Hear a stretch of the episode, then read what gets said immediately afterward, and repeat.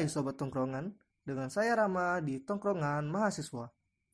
Di episode pertama ini, saya akan membahas tentang seputar perkuliahan.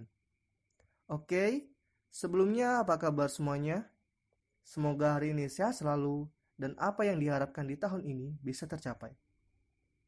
Tidak terasa kita sudah menjalani dua tahun masa pandemi ini, dari tahun 2019 hingga sekarang, dan kita sudah mulai terbiasa dengan namanya kegiatan online yang pastinya anak-anak SD, pelajar SMP, hingga mahasiswa-mahasiswi sekarang semua serba online.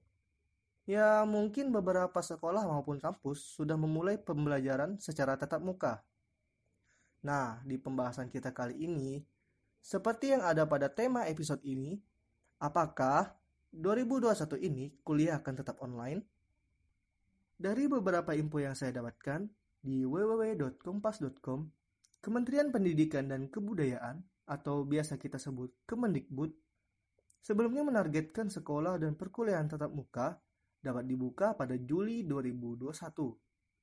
Dan langkah ini dapat dilakukan apabila vaksinasi COVID-19 yang telah berlangsung dapat diselesaikan pada Juni 2021. Kebijakan tersebut mengacu surat keputusan bersama empat menteri, yaitu Mendikbud, Menak, Menkes, dan Mendagri tentang panduan penyelenggaraan pembelajaran pada tahun ajaran 2020 sampai 2021. Nah, di sini kita dapat simpulkan bahwa Kemendikbud memastikan bulan Juli ini dibuka untuk sekolah dan perkuliahan offline. Hari ini sudah bulan Mei, tinggal beberapa bulan lagi kita sudah pastikan melaksanakan sekolah maupun kuliah secara offline. Meski begitu, bagaimana dengan kasus vaksin yang baru-baru ini dibicarakan? Di www.health.detik.com mengatakan bahwa ada tiga orang meninggal dunia pasca suntik vaksin. Dan belum diketahui pasti apa betul penyebabnya dikarenakan vaksin atau tidak. Pasca kejadian tersebut, penggunaan vaksin corona AstraZeneca CTM API 547 dihentikan sementara untuk dilakukan uji toksisitas dan sterilitas oleh Badan Pengawas Obat dan Makanan atau biasa kita sebut BPOM. Namun, hingga saat ini hasilnya masih belum diperoleh. Mungkin nggak sih kalau kita kuliah offline, tetapi masih ada kasus-kasus seperti ini? Kalau menurut saya, tidak. Tergantung sih apabila masalah vaksinasi COVID-19 dapat diselesaikan di bulan Juni. Dan pastinya kalian berpikir, kalau begitu kita kuliah online lagi dong. Ya kemungkinan besar seperti itu. Dan pastinya dari kalian ada beberapa yang susah jika mengikuti pembelajaran secara online.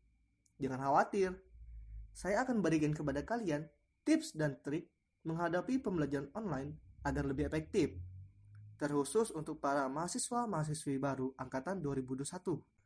Pertama-tama, buatlah reminder atau pengingat jadwal kuliah online. Melakukan perkuliahan di rumah bukan berarti kamu melupakan kewajibanmu menjadi mahasiswa. Kamu harus mengingat dan mencatat jadwal perkuliahan online yang sudah diberikan oleh dosenmu.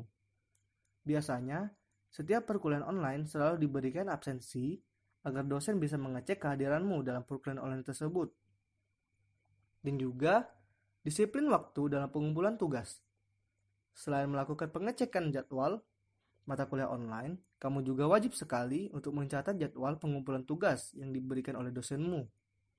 Biasanya, ketika kita melakukan sistem online, kita harus tepat waktu mengumpulkan tugas tersebut. Selama jam perkuliahan, simak dengan baik materi perkuliahan online yang disampaikan. Berada di rumah bukan berarti kamu seenaknya sendiri dalam melakukan perkuliahan. Kamu harusnya lebih bersemangat dan selalu menyimak dengan baik semua materi perkuliahan yang diberikan oleh dosen kamu. Jangan lupa catat hal-hal penting tentang materi perkuliahan. Gak hanya menyimak saja, kamu juga wajib untuk mencatat semua hal-hal penting dalam materi perkuliahan tersebut. Dan yang tak kalah penting, Cari ruangan yang buat kamu nyaman dan berkonsentrasi tinggi. Mengerjakan perkuliahan online di rumah, pasti kamu susah untuk melakukan konsentrasi saat melakukan perkuliahan online. Ada saja hal yang mendistrek kamu saat kuliah onlinemu berlangsung. Dan ini banyak dialami mahasiswa-mahasiswi sekarang. Demikian yang bisa saya bagikan kepada kalian. Terima kasih telah mendengarkan episode perkuliahan podcast hari ini. Saya ucapkan selamat Hari Raya Idul Fitri. Minal Aidin wal Faizin.